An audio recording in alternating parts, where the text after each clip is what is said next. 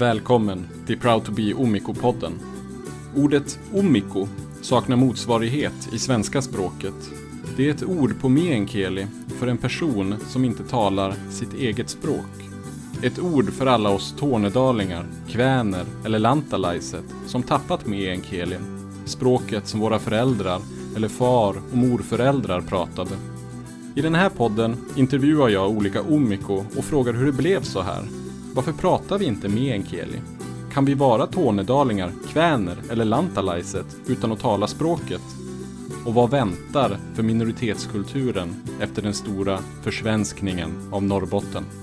Mitt namn är Daniel Fjällborg. Välkommen till Proud to be Omiko.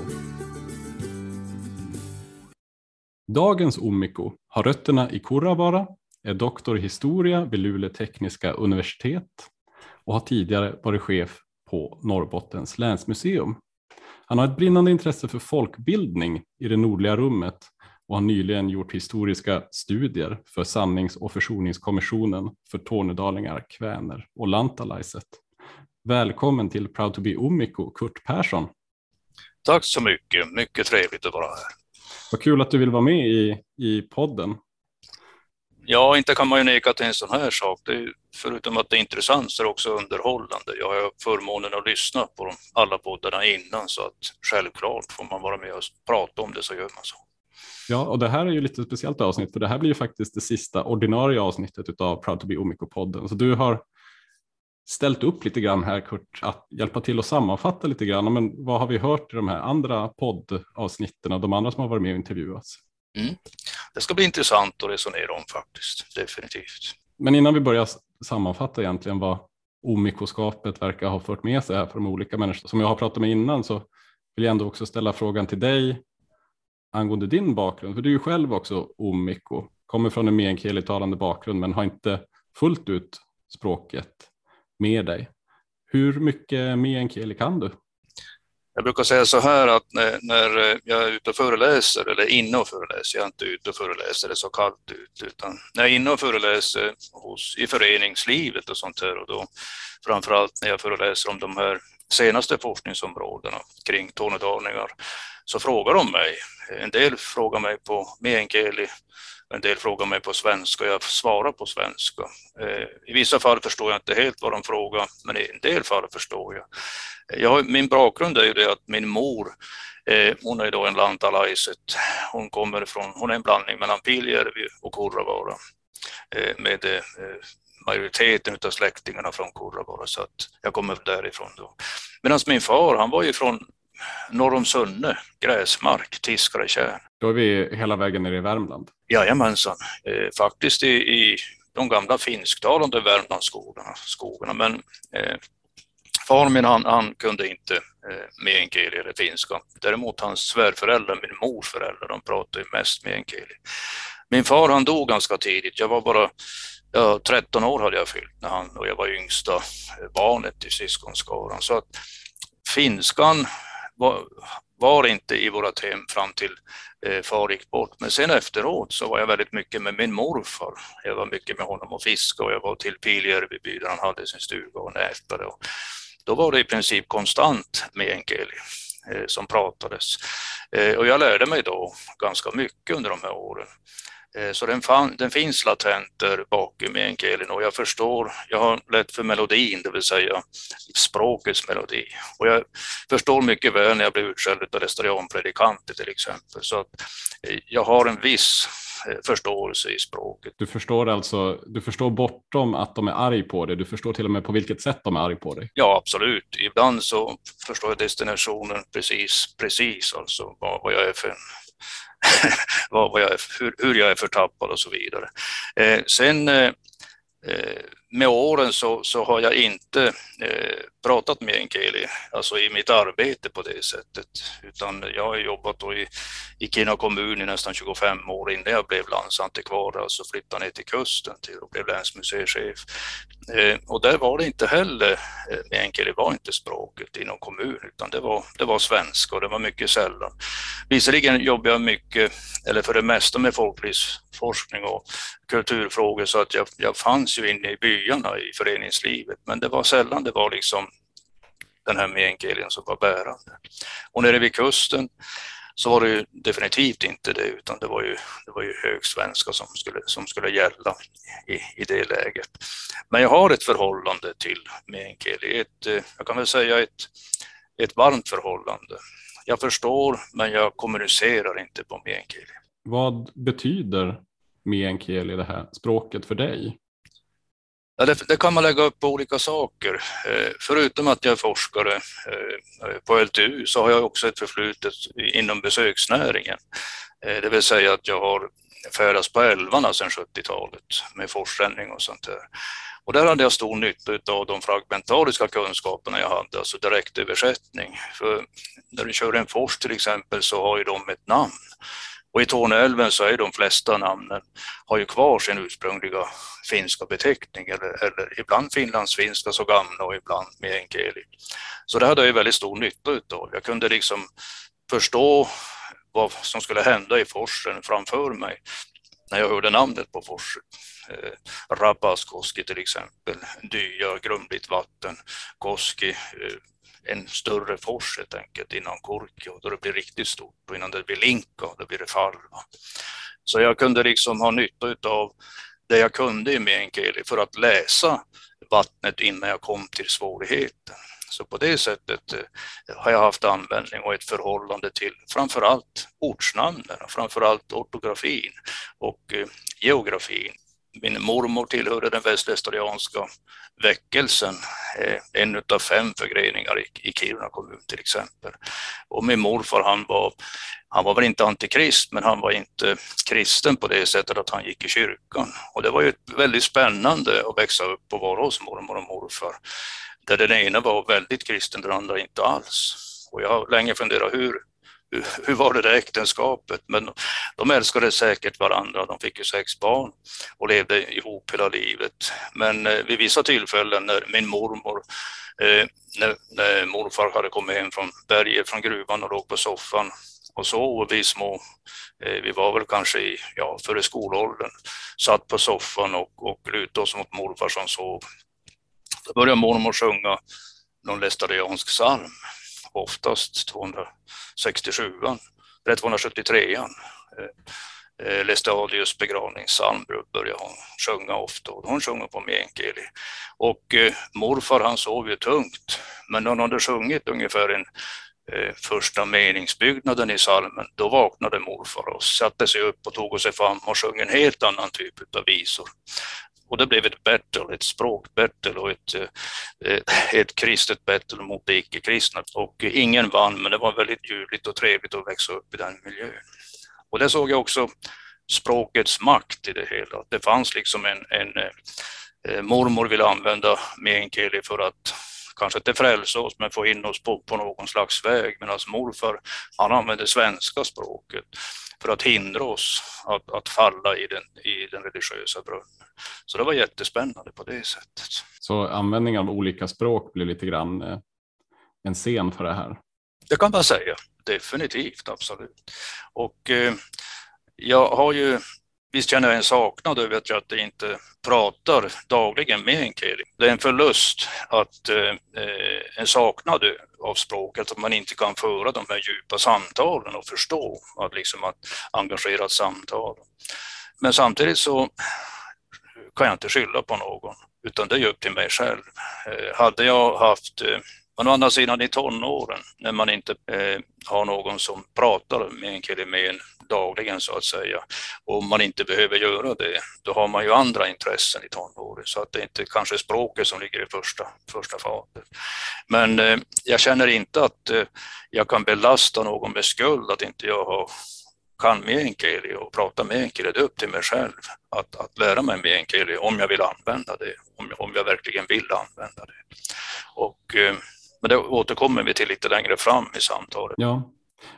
När jag har pratat med de andra, de andra intervjuerna som jag har gjort, de andra som har varit med i podden, så har jag nästan alltid introducerat dem som Tornedaling eller som Lantalainen eller som Kvän. Men eh, du vill inte riktigt ha något sånt epitet, Kurt. Hur, hur känner du själv inför, eh, inför de här epiteten? Ja, det är ju en etnonym vi pratar om, alltså en, en benämning på en grupp eller på en etnisk grupp. Eller på, det behöver inte vara en etnisk grupp, det kan vara en grupp. Alltså att en, en positiv etnonym som kanske gruppen själv har sagt, satt på sig själv eller någon annan har satt på gruppen. Då är det en per, perojativ etnonym, alltså en negativ etnonym. För min del så är det inte viktigt. Alltså när folk frågar vem, ja, vem är du? Ja, jag är Kurt Persson. Och när det inte blir någon diskussion, då blir de lite less på då slutar de fråga helt enkelt. Eh, jag har ju en, min bakgrund är ju inom eh, om jag skulle, om jag skulle etniskt och säga vad tillhör det för grupp? Ja, jag har lantalaiset möjligtvis, den nordligaste delen av Tornedalen. Det är där. Men jag är ju lika mycket värmlänning, 50 procent. Jag tycker att man, eh, ibland, man ska inte övervärdera det här med, med den etniska tillhörigheten på det sättet, utan där jag lever och där jag, där jag verkar, där har jag ju min, eh, min trygghet, där har jag min, jag skulle kunna säga att jag är Luleåbo. Eh, men då skulle väl några protestera, du har ju bara bott där i knappt 20 år så du kan ju inte vara Luleåbo. Men å andra sidan, när jag flyttade från Kiruna till, till Luleå så gick det inte mer än två, tre månader när jag kom tillbaka till stan. Då fick jag höra, ja du din jäkla Luleåbo. Alltså man, man, kan leva ett helt liv på ett ställe eh, och man kan leva tre månader på ett annat ställe och bli accepterad, men det är ju av dem man har, där man har flyttat ifrån. Eh, men jag känner väl inte jag känner själv inte eh, den här drivet att eh, hela tiden identifiera mig till någon grupp. Däremot så har jag en väldigt stor respekt för de som hela tiden framhäver det och det, det accepterar jag. Det tycker jag, eh, det finns ju en trygghet för många att, att tillhöra en etnisk grupp, att, att eh, etniskt eh, deklarera att jag är sån och jag är sån. Och det, det tycker jag, det har ju med självidentifikationsarbetet att göra och det har jag ingenting emot, inte på något sätt.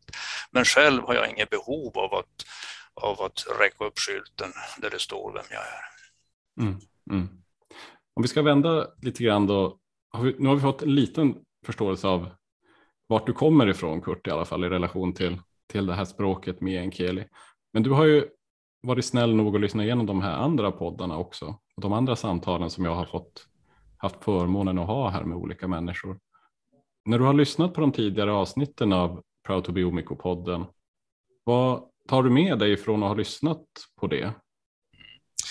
Eh, om man börjar så här då, du har ju ställt ungefär samma frågeställningar i inledningarna som du har ställt till mig. Och eh, i de allra flesta fallen så har ju, eftersom de är omikos, det, det är det som är grejen, eh, så har de ju, så finns det en saknad. Eh, det finns en saknad eh, i språket eller saknad av språket som gör att det också finns en saknad till en ännu större bild. Och bilden som byggs utav språket, det är ju andra saker. Det är ju samvaro, tillhörighet och sådana här grejer. Och det har att göra mycket med när på vid livets resa blev man av med språket. En del har ju blivit av med språket på livets resa, en del har aldrig fått språket på livets resa. Och det finns också generellt när jag lyssnar på poddarna här att det är ju ingen egentligen som är Eh, bitter på något sätt eller liksom eh, anklaga någon för att de inte har fått språket. Däremot så kan jag skönja en ganska stor förståelse för omständigheter varför man inte fick med sig språket. Det, det, det finns ju i, i, många fall. Eh, och ibland så handlar det om att föräldrarna kanske eh, inte ville eh, att eh, barnen skulle prata meänkieli av olika skäl. Eh, det kunde vara eh, att det fanns en skamfylldhet i det hela, att eh, nej, i Sverige pratar vi svenska, inte finska, eh, det resonemanget. Men det kan finnas andra saker också i det hela, att man, att man inte såg det som viktigt att föra vidare språket helt enkelt. Men generellt så, så är det så att eh, nästan varenda en som har varit med, som, som jag har lyssnat på, eh, de har den där eh, förståelsen för att de inte fick språket, eller att de inte bär språket. Och det finns ingen, eh, vad ska vi säga, inte ordet bitterhet kanske, men det finns ingen negativ eh, röst som säger att det var för jävligt att inte jag fick språket, utan det finns alltid en slags förklaring, en slags ödmjuk förklaring till de som var språkbärare men inte var med det till, till nästa generation.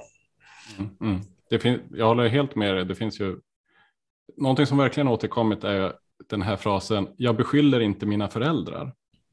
Eh, när föräldrarna då har, eller mor och farföräldrarna har pratat med enkeli, man är inte arg på dem. Men i vissa fall så har det ju också funnits en, eh, en, en anklagelse mot det större samhället kanske, eller mot politiken som har skapat det här. Eh, vissa har pratat om att det kanske har varit en medvetet styrd, för, styrd försvenskning av minoriteten, att man skulle helt enkelt bli svensk. Hur jo. tänker du kring det? Ja, det är också en sån där intressant sak, för i min forskning där jag tittar på, jag har ju forskat mest kring statens övergrepp vad gäller Rasbiologiska institutet. Eh, och här finns, eh, har det kristalliserats också en form av tystnadskultur eh, som, finns, som också finns inom språkfrågan och namnfrågan och, och eh, ortsnamnsfrågan också. Att eh, den generation som blev direkt utsatt för försvenskningsprocessens accelererande kraft, om vi tänker oss mellan krigen, första och andra världskriget och tiden efter fram till efterkrigstid. Eh, de har blivit utsatta för det här men de har inte på något sätt fört över det till nästa generation. och Man har inte pratat om det. Och den generationen som aldrig fick de här diskussionerna har gått vidare. Eh, en del har haft kvar språket till exempel, men de har inte haft, man har aldrig pratat ut om de här sakerna, man hade liksom pratat färdigt om dem. Och tredje generationen som är min generation och, och din generation delvis, eh, har börjat resonera om de här frågorna. Så här öppet var inte resonemanget. Inte, jag skulle vilja säga så här att det finns en positivismen i samtalet kring de här frågorna idag visserligen en, en, en sorg men även en positivism, att man vill någonting och att man vill prata om det. Om vi tittar på rasbiologin så är det ju så, så att de som blev de som blev mätta och de som blev fotograferade och rubricerade som mindre stående raser eller lägre stående raser och ett hot mot den svenska, en generation mot den svenska folkstammen. De fick ju heller inte reda på det. Eh, de böcker som det publicerades i, det var ju praktverk som ingen hade råd att köpa här uppe i, i det nordliga rummet i Torne Lappmark. Utan det var ju då en, en privilegierad eh, grupp människor som kanske hade något exemplar av de här böckerna. Eh, när folkupplagorna på de här böckerna började komma mellan krigen, alltså framåt 30-talet, eh, då fick vanligt folk läsa om det här i skolorna. Eh, klassuppsättningarna som kom till exempel till Kinas skolor. Där kunde de eh, som hade flyttat in från byarna eh, till staden och deras barn då, i skolan kunde de läsa de här klassuppsättningarna om hotet mot den svenska rasen och så kunde de se bilder på sina föräldrar. Då fick man liksom kunskapen om vad det här handlade om. Och det var ju ingenting som man gick omkring och ropade på stan att min mor och far de är lägre stående ras och de finns här på bilder med böckerna utan det blev en slags eh, tystnadskultur utifrån en egen vald tystnadskultur. Så de som hade behövt prata om det här, de pratade aldrig om det, det fanns inte. Sen den generationen då som är mina föräldrars generation och som var barn till de här, eh, de hade ju ingen anledning heller att prata om det här. Det fanns ju liksom ingen, ingenting att föra vidare, det fanns ju ingenting för man hade ju inte gjort upp med frågan. Den politiska uppgörelsen var ju inte gjord.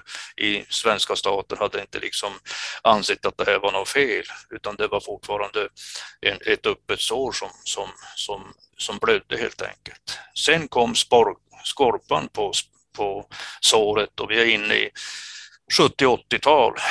Då börjar man titta på det här, skrapa på det här och eh, sen skrapar man upp spor, skorpan på detta sår. Eh, man kan säga i början på 2000-talet. Då började det skrivas mer om det hela.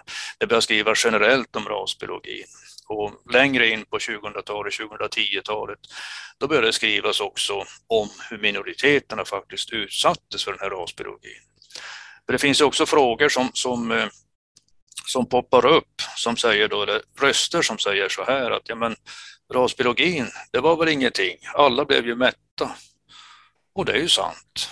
Eh, hela Sveriges befolkning, stora delar av Sveriges befolkning blev generellt, alltså om man säger då kvantitativt mätta på stora delar av Sverige, men alla blev inte klassade som lägre stående eh, raser, utan det var i, i första hand de som, det som vi kallar idag för nationella minoriteter och urfolket samerna. Det var de som blev utsatta för det hela. Och det här är saker som tillsammans med de övriga eh, solitära delarna i försvenskningsprocessen, språkfrågan, undervisningsfrågan, tillsammans har, har skapat en väldigt, väldigt kraftfull tystnadskultur på framförallt då tornedalingar, lantalaiset, kväner. Mm, mm. Ja, som jag förstår dig rätt då, du ser lite grann den här den rasbiologiska politiken som fördes som en del av den, den historiska sammanhanget som den här försvenskningen och alla vi omikos som skapas, vart vi kommer ifrån så att säga. Finns det några andra? Du nämnde ju lite grann den här utbildningsdelarna också som har och, och, och skolan som också är en historisk Ja visst, om vi, ja, visst. Om man tar det här med försvenskningsprocessen så kanske man ska resonera om vad är försvenskningsprocessen egentligen? Den startar ju ganska tidigt egentligen. Den startar tiotal, några decennier strax efter vi förlorar Finland, alltså 1810 när, när gränsen dras. Och kring 1830-talet så börjar man i den svenska konungariket börjar man berätta den nya stolta historien om Sverige. Vi måste liksom rehabilitera oss, halva landsändan har ju försvunnit. Vi har fortfarande kvar Norge eh, på våran sida i, i vårt rike, men vi börjar bygga en ny nationalistisk berättelse om, om Sverige. Och Sverige, det ska ju vara Sverige. Det ska vara Sverige i språk, det ska vara Sverige, det ska vara svenska skalder. Man använder skalder och poeter ganska kraftfullt för att marknadsföra den här försvenskningsprocessen. Eh, men kring 1870-80-talet så undervisar man i Tornedalen även på finska i skolorna, alltså det finska läromedel. Eh, och eh, det här svänger sen efter sekelskiftet när eh, vi förlorar Norge efter unionsupplösningen. Då kommer nästa smäll på, på den svenska stoltheten. Att eh, nu är vi ännu mindre kvantitativt land, alltså ett till. Nu måste vi verkligen framhäva det svenska för att försvara det svenska och då, då, då kokas den här försvenskningsprocessen ordentligt ihop med andra grejer. Eller det blir flera solitära delar. Språket är en sak, undervisningsmaterialen börjar bli på svenska i Tornedalen. Det ska pratas svenska i undervisningsspråket. I kyrkan ska det pratas svenska. Innan så kunde man predika på finska och samiska, som under Lestadius tid. Men nu ska det vara svenska överallt.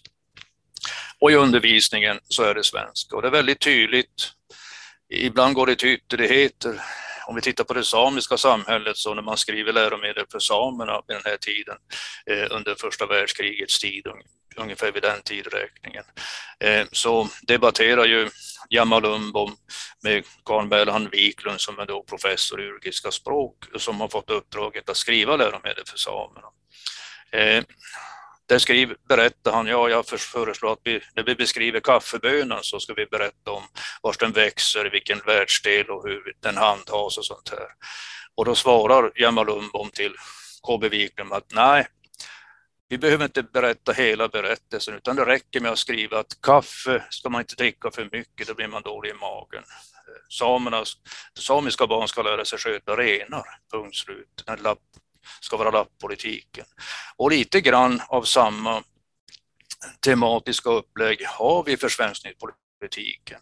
Eh, man tvättar bort Eh, man kan man säga, de, de finska språkiga inslagen i kulturhistoriska berättelserna, eh, seder och bruk. Vi ska sjunga på svenska, vi ska sjunga Vi ska äta, ni ska laga i geografin eh, och eh, det ska vara svenska sommarsånger, det ska vara svenska salmer och eh, det ska vara svenskt, gärna svensk klädtyp och allt ska vara svenskt helt enkelt. Allt ska genomsyra det hela.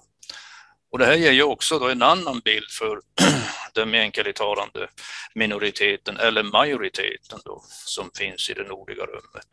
Och det blir ju en slags eh, bekräftelse på vad, vad nationen alltid säger, att eh, det är ett hot mot den svenska folkstammen, både språket, sättet att leva och framförallt den här rasen. Eh, så försvenskningsprocessen, den är effektiv, den är brutal, den är hård och den är väldigt effektiv för svenska staten.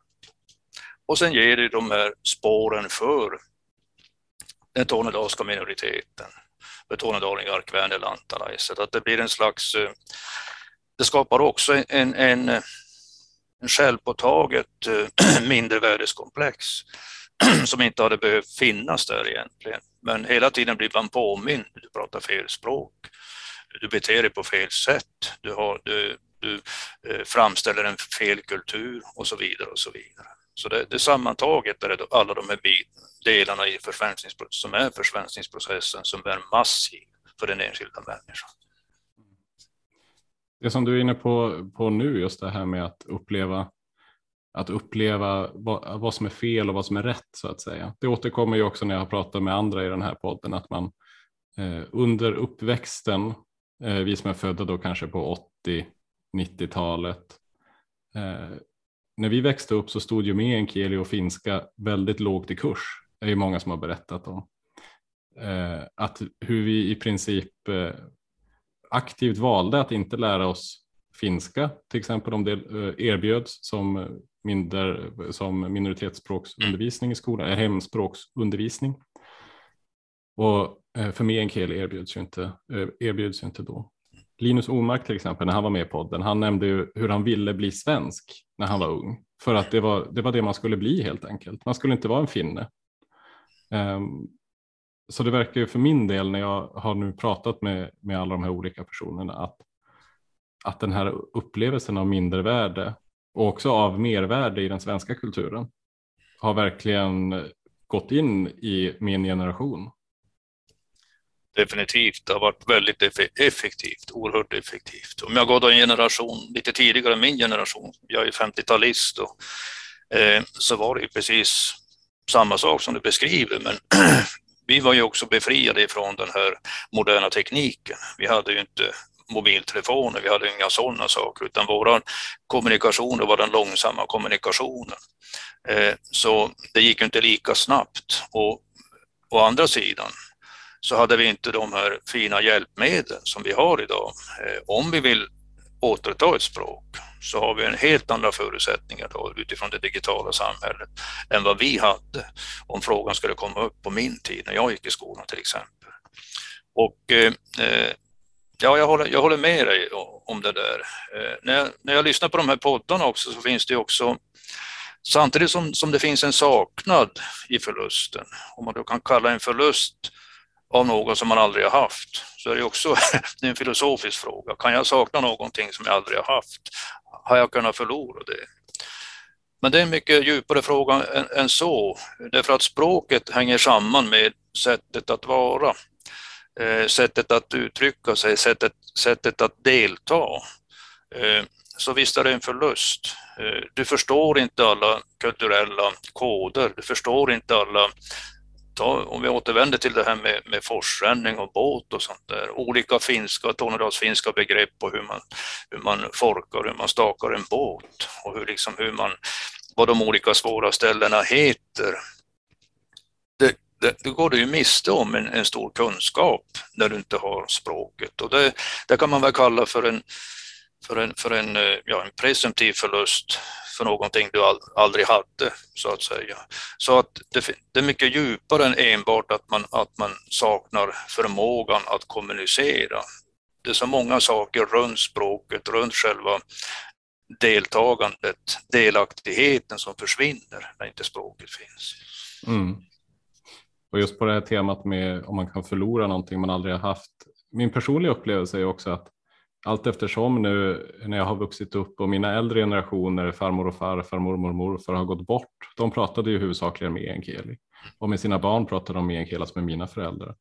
Så i byarna där jag växte upp så var ju meänkieli väldigt levande. Så det var ju på något sätt ett språk som hela tiden var runt mig, även fast jag själv aldrig har lärt mig det här språket. Men nu har ju det börjat försvinna. Dels genom att människor dör, eh, min mormor och morfar, farmor och farfar, och då pratar inte de meänkieli med sina barn. Eh, och, och, mer och mer så övergår också mina föräldrar till att prata svenska. Så min, min omgivning på något sätt, och det här återkommer också hos vissa andra i podden, att man alltid haft meänkieli runt sig men nu börjar det avta för att eh, de meänkieli-talande har börjat bli färre och färre. Och på det sättet så blir det en mer också, även fast man själv aldrig haft språket så blir förlusten liksom påtaglig för att det inte finns i omgivningen. Ja, visst, visst är det så. Man kan ju likna det vid ett varmbad, ett, ett språkbad där vattnet har kallnat och till slut så rinner det ur badkaret. Det finns ingenting kvar, så sitter man och fryser där. Eh, visst är det så. Eh, och eh, det är det jag menar med det här att, eh, att man kan bli inkluderad i andra saker i, i om man har språket. Just inkluderad i en, i en det kan vara en rörelse. Ta historianska väckelsen till exempel, vars huvudspråk är meänkieli, eh, predikospråk. Eh, om du inte förstår det så har, är du inte heller delaktig på samma sätt. Du får inte lika mycket själv. Eh, du får inte heller mycket, lika mycket förlåtelse på samma dos förlåtelse i, i bönen som du skulle ha fått om du, om du var eh, meänkielitalande till exempel. Eh, och det är det som sker nu på 2000-talet, precis som du säger, att det har tunnats ut bärarna av de här markörerna, språket och, och seder och bruk försvinner fler och fler. Därför är det viktigt att inte enbart hålla uppe språket utan även hålla uppe seder och bruk, det vill säga att göra saker och ting som man gjorde förut. Eh, man kan ju titta på den på bastun till exempel. Alla meänkieli-uttryck i bastun Eh, det är ett sätt att hålla liv. Basta ofta och använd meänkieli-uttryck, alltså på och, och, och alltihopa, alla delar som finns i bastun, hela tiden för att pränta in istället för att importera eh, eh, svenska uttryck eller använda eh, internationella, andra internationella uttryck, utan allt man gör helt enkelt, att man, att man använder språket även om man inte talar språket, använda språkets betydelse för föremål, för seder och aktiviteter. På så sätt så kan man eh, bitvis hålla, hålla vid vid det och förstå eh, vad det betyder. När man inte pratar med en kille som jag sa eh, inledningsvis, jag förstår när de skäller på mig och det är lika viktigt det, eh, för då förstår jag sammanhanget i det hela. Mm, mm. Jag håller med, jag upplever nog också eh, den här stora vikten av den praktiska kulturen som väldigt mm. viktig. Och också en liten genväg till att plocka upp ord här och där. Ja. Eh, ja men det är som, eh, jag brukar stå och köra båten på, vid Kalixälven där på vårkanten. Då brukar det alltid slängas in lite ord på meänkieli när jag ska in och hämta alla saker i garaget och morsan eller farsan måste berätta för mig vad det är för någonting och de mm. hittar orden på meänkieli före de hittar dem på svenska. Ja. Och samma sak med ja, man, man kanske går igenom olika jakt, jaktrutiner, fiskerutiner, sådana där ja. saker som jag ändå tycker om att göra, men då kan jag få lite språk med mig på köpet. Ja, precis. Dra not till exempel, att, att försöka, det dras ju not i övre delen av Kalixälven fortfarande.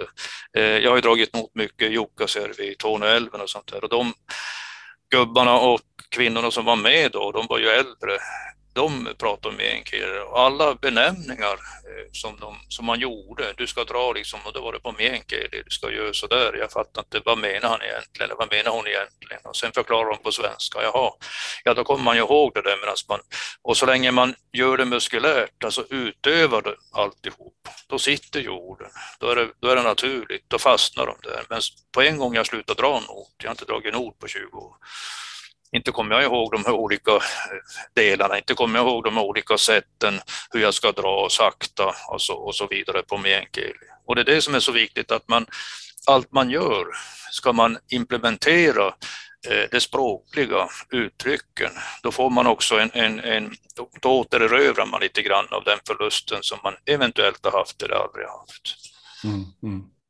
Men Hörru, du, vi, du pratade lite grann om det här historiska sammanhanget som mm. försvenskningen har, har skett i. Och många som jag har pratat med i podden så, så har man ju ganska svårt att sätta fingret på just den här frågan. Varför lärde jag mig aldrig meänkieli? Eh, och till en viss del kanske det beror på att ja, den här långa historiska kontexten, vad som har hänt, är ju, är ju okänd för väldigt många. Eh, men Kurt, om jag skulle sätta samma fråga till dig. Hur skulle du svara på frågan varför lärde du dig inte meänkieli? Kan jag svara direkt, ren och skär lathet. Jag hade ju alla möjligheter. Jag hade kunnat eh, prata mer med, med morfar till exempel, han gick bort 78 eh, och fram till 78 så hade jag ju språket och ägde jag ju språket. Jag pratade med honom dagligen och, och sådana här saker och var ofta ute och, och fiskade med honom och drog nät i Biljärvi. När han gick bort då var ju också jag i den åldern så att jag, jag började ha andra intressen som inte korresponderade med språket. Och då är vi tillbaka där hur viktigt det är att hålla saker och ting levande. Det är ungefär som ett yrkesliv om du är svetsare, om du inte svetsar på ett tag, visserligen sitter det där i ryggmärgen, men du måste upprätthålla din yrkesskicklighet. Du måste upprätthålla en aktivitet för att den ska fungera. Du kan väcka den till liv, den finns där i muskelminnet, men du måste helt enkelt hela tiden eh, hålla igång den. Jag kan väl säga att det, det, var ju andra intressen som tog över som gjorde att inte jag fortsatte eh, äga språket. Eh, det, det, kan jag ju säga. Och eh, när jag sen eh, eh, när jag flyttade hit ner till Luleå till exempel, då hade jag ambitionen att jag måste, jag känner att jag behöver det, men, det, men tiden fanns inte till, räckte till i, min, i mitt arbete helt enkelt att göra det. Som chef så, så, var det, så räckte inte tiden till helt enkelt. Och nu när jag är på universitetet och håller på att forska kring de här sakerna, då, då försöker jag ju äta in mig mer och mer i minnet, eh, i muskelminnet, att, att uh, använda, lyssna på intervjuerna. Ja, just ja, jag, ser, jag hör nyanserna, jag märker nyanserna i ordet. För ett ord är inte bara ett ord, utan det kan ju användas, det kan ju användas i, i flera hundra olika nyanser och betyda olika saker. Ja, nonin. Alltså det, det, det, det, det är den aspekten av det också. Och jag ser ju, eller jag hör ju när jag har lyssnat på de här poddarna också att eh, där tar, du ställer ju samma frågeställningar som du ställer till mig och när man lyssnar på de olika svaren så finns en del olika eh, eh röster helt enkelt. En del hävdar ju då att, att, eh, att man hade chansen, men man tog inte den själv. Och en del hävdar då att, att man fick inte chansen. Eh, språkbärarna fanns där, men de använde inte språket. Så det ser lite olika ut, eh, resan för alla de som har varit med i poddarna här helt enkelt. Och i vissa fall så drabbades ju några av de här eh, utav den stora flyttvågen. Eh, deras föräldrar flyttade söderut, började studera och eh, man försökte upprätthålla språket helt enkelt, kanske i den akademiska staden Uppsala. Men det, det orkar man inte hålla linjen helt enkelt, så att man, det försvann språket. Och sen ska man själv ut i världen. Okej, okay, om man har flyttat med föräldrarna som, som barn, icke myndig, till en ny plats i ett icke meänkieli språkområde och eh, sen inte hållit i meänkieli. Det, det är inte så att man kastar sig in och älskar och, och vill verkligen ha meänkieli på en gång om man bor i Uppsala, utan man kanske, man kanske har resan startar lite senare när man börjar förstå förlusten. Det är väl det det handlar om också. Mm. Eh, så man kan inte säga något generellt. Det enda generella man kan säga är att det finns en förlust. Och som jag sa i början, en förlust utav någon som man hade, någonting man hade eller någonting man inte hade. Men sättet att återerövra det hela, det ser olika ut. Det, ser, det är olika förutsättningar för det hela. En del försöker, ja nu när man har fått barn, nu ska jag själv lära mig meänkieli så jag kan lära barnen och de ska få lära sig meänkieli, även om vi alla pratar meänkieli hemma. Det finns ju några som uttrycker det på det sättet också. Eh, så det, så det är olika. Du nämner ju det här som också nämns av många andra jag har pratat med, eh, att du kanske du lärde dig inte meänkieli, kanske för att du var lat och för att du hade andra saker som du prioriterade. Mm. Hur kommer det sig att så många har valt att inte prioritera sitt modersmål och att lära sig det? Varför har vi prioriterat andra saker? Jag tror det har att göra med vilken kontext man hamnar i när man växer upp. Eh, om vi tar ett exempel, om du hamnar om du är inne i idrottsrörelsen till exempel, där det mest är mainstream, alltså en huvudström, så här ska det vara alla uttrycker utrikiska eh, och sådana här saker. Det, det, är inte så att man taktiksnackar på meänkieli, även om några pratar meänkieli, utan det är helt annat taktiksnack. Det är helt annat sätt att, att föra resonemanget. Så det, den finns inte där naturligt eh, i, i din uppväxt, i dina intressen. Eh, jag till exempel, jag idrottade ju jag var simmare, det var ingen jävel som pratade med mig eftersom man var i vattnet ensam hela tiden, man hörde ingenting. Så det beror på vad man, vad man sysselsätter sig med också, vad, vad man gör i sin uppväxt. Det har en stor betydelse eh, hur utsatt man blir för meänkieli för att liksom verkligen, verkligen eh, använda det. Så mm. det, jag tror att det finns den skillnaden, i alla fall bland de här som har varit med på poddarna, så märker man ju det, var man hamnar, i vilken kontext hamnar man i det läget att man växer upp och, och bildar sin egen person och till slut bildar en, en familj. Eh, mm. Det är nog ganska avgörande. Har man möjligheten och den eh, förutsättningen, gåvan att eh, inte vara gampojk och vara hemma på gården utan att man, att man eh, får vara i en miljö där det pratas med enkeli. Det är ju en gåva. Eh, då är det bara att tacka och ta emot helt enkelt, men alla har inte det. Det där har ju till exempel i min, mitt samtal med Anna Kurro, deckarförfattaren. Hon, hon nämnde en intressant eh, tanke där med att eh, tänk om vi hade stannat i byn istället för att flytta in till Kiruna. Jo. Då kanske jag hade vuxit upp med meänkieli mycket närmare in på och lärt mig språket. Mm. Och, och det där resonemanget tycker jag var lite intressant. Och du nämnde också den här flyttvågen söderut, hur man så att säga flyttade till platser och till ett liv som var huvudsakligen på svenska. Ja. Medan i byn, jag menar även, även när jag växte upp och vi åkte till byn, det pratades ju mycket mer meänkieli i byn eh, än vad det gjorde i stan. Sen är det också så, precis, precis, jag kommer ihåg Anna hon berättade där, det är ju Sopperabyarna det gäller. Eh, och så är det finlandsfinska som kommer in där också i det fallet i den potten. Eh, och sen flyttar man till stan och då är det inte meänkieli, och då är det inte finska som gäller. Men om man tittar på samhället Kiruna, Malmfälten och framförallt Kiruna då när samhället bildas och när det, när det börjar ta form, stadsplaner och sånt där, då finns ju fortfarande enklaver utav meänkieli eh, eh, som lever kvar ända in på 50-talet. Om vi tar det som kallas på stadsplan Östermalm och övre Östermalm i folkmun så heter det ju finsoppor. Och det har att göra med att eh, på 20-talet efter eh, första världskriget och in, strax innan andra världskriget, då började folk ifrån de närliggande byarna flytta in till stan och eh, tornedalingar började anställas i gruvan. Och då byggde de hus i de här områdena. Så att där pratades det, det var meänkielitalande område. Så fanns det också ett, stad, ett område i Kina som hette Finnstan, där det var finlandsfinska som gällde. Och det var i princip mitt på stan ovanför det som, som eh Eh, idag är, Lapplands lärcentrum, eller Parkskolan. Strax ovanför där, det hette Finnstan, för där bodde alla finlandsfinnar. Man alltså flyttade ihop och man, man flyttade gärna där det fanns de som hade samma språk helt enkelt. Och det är ganska intressant. Fortfarande hos de äldre så lever de här beteckningarna kvar på stan. Eh, min mors generation till exempel, ja, jag är uppväxt i Finnshoppor och det är liksom inte Östermalm eh, som det, man kanske kan tänka sig. Men Kiruna är ju speciellt utifrån att, att sätta egna namn på, på de här delarna ändå. Ja, det klingar ju eh. lite olika det där Finnshoppor och Östermalm. Man får olika tankar kan jag säga. jo, Men hörru du, Kurt, om vi ska börja närma oss avrundningen också utav, utav vårat samtal. Vad, då brukar jag vända mig mot framtiden som du kanske har märkt av när du har lyssnat ja. på de andra avsnitten. Vad tror du om, eh, om framtiden för meänkieli och för minoriteten då som pratar det här språket eller som kanske inte just numera så många pratar det här språket? Jag vill nog återupprepa lite grann det som jag sa utifrån det här med aktiviteter. Att jag tror att eh, vad som är oerhört viktigt är ju Eh, människors vilja att engagera sig i föreningar, det vill säga det kan vara STRT, det kan vara hembygdsföreningar och sånt där.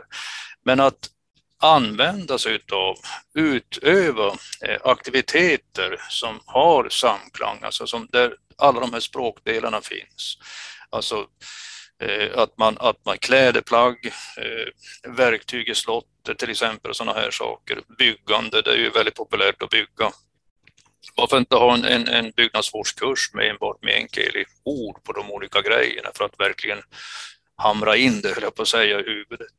Eh, jag tror att framtiden för överlevnaden, men samtidigt är det så här, eh, de här Nostradamus eh, uttrycken har ju funnits i alla tider. Jag kommer ihåg när jag gick med i hembygdsföreningen 1974.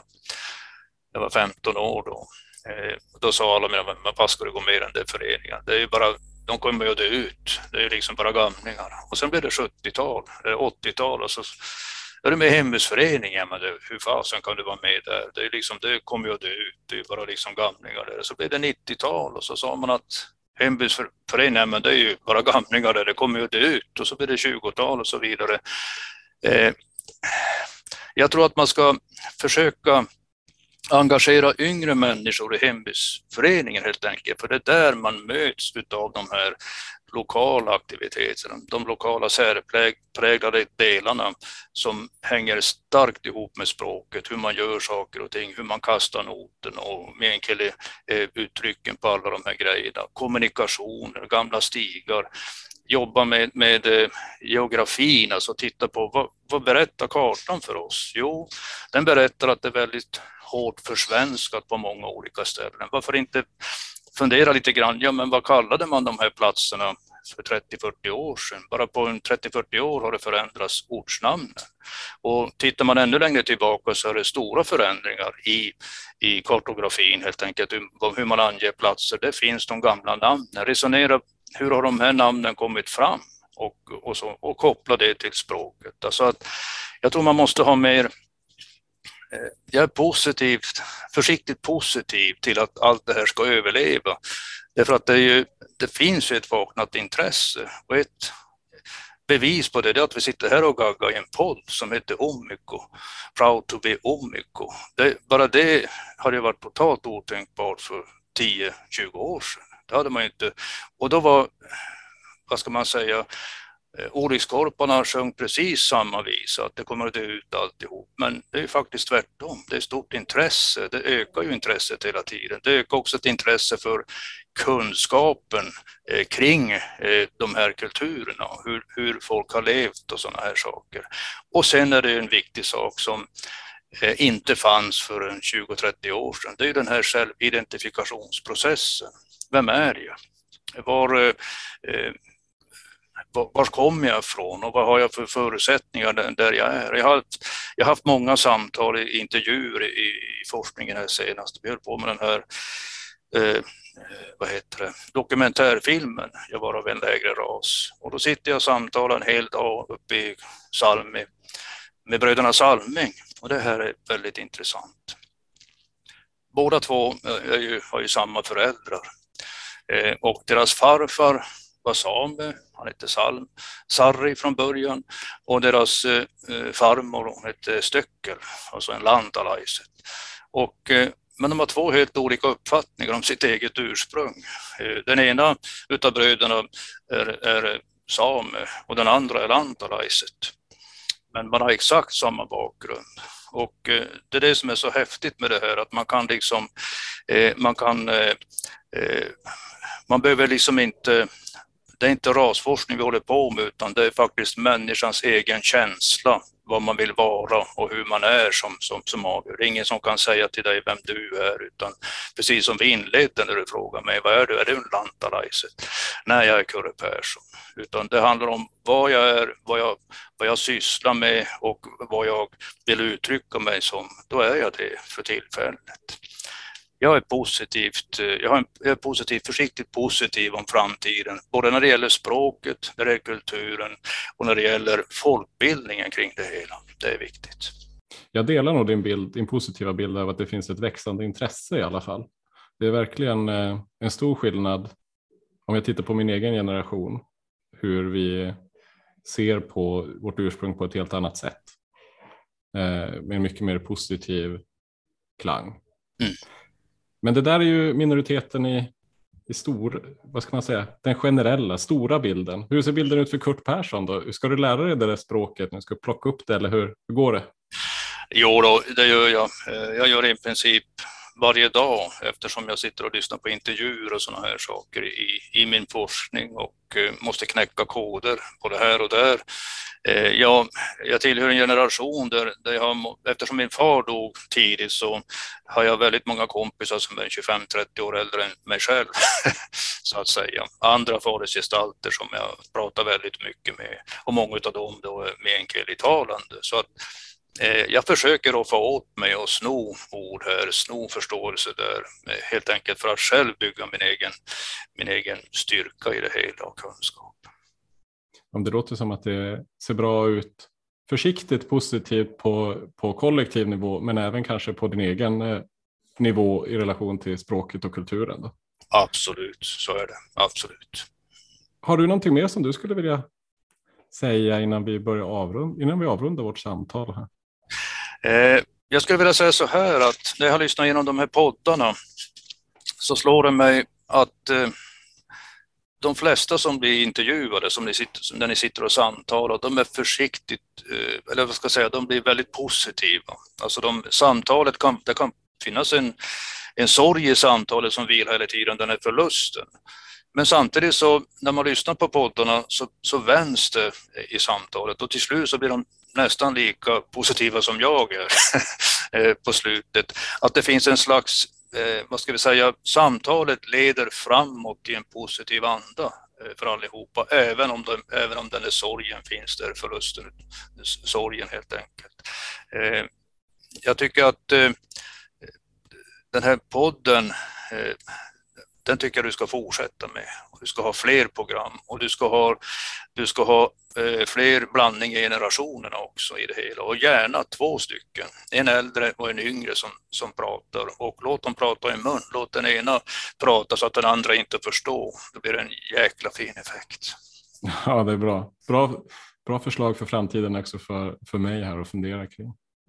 Men Kurt, med de orden så tänker jag faktiskt att vi avrundar. Då vill jag säga tack så hemskt mycket Kurt Persson för att du ville vara med i Proud to be Omic och hjälpa mig att analysera lite andra poddar men också att berätta din egen historia. Tack själv och tack för att jag fick vara med. Tack för en härlig podd.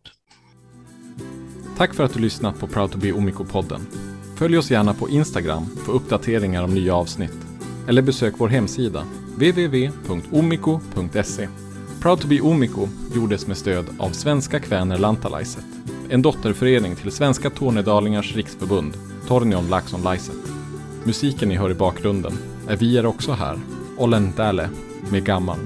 Teknisk support och design gjordes av Martin Lindvik. Mitt namn är Daniel Fjellborg. Så rösten av det glömda folket vinden stämmorna bär Genom dal över fjäll så ropar vi att vi är också här. Holland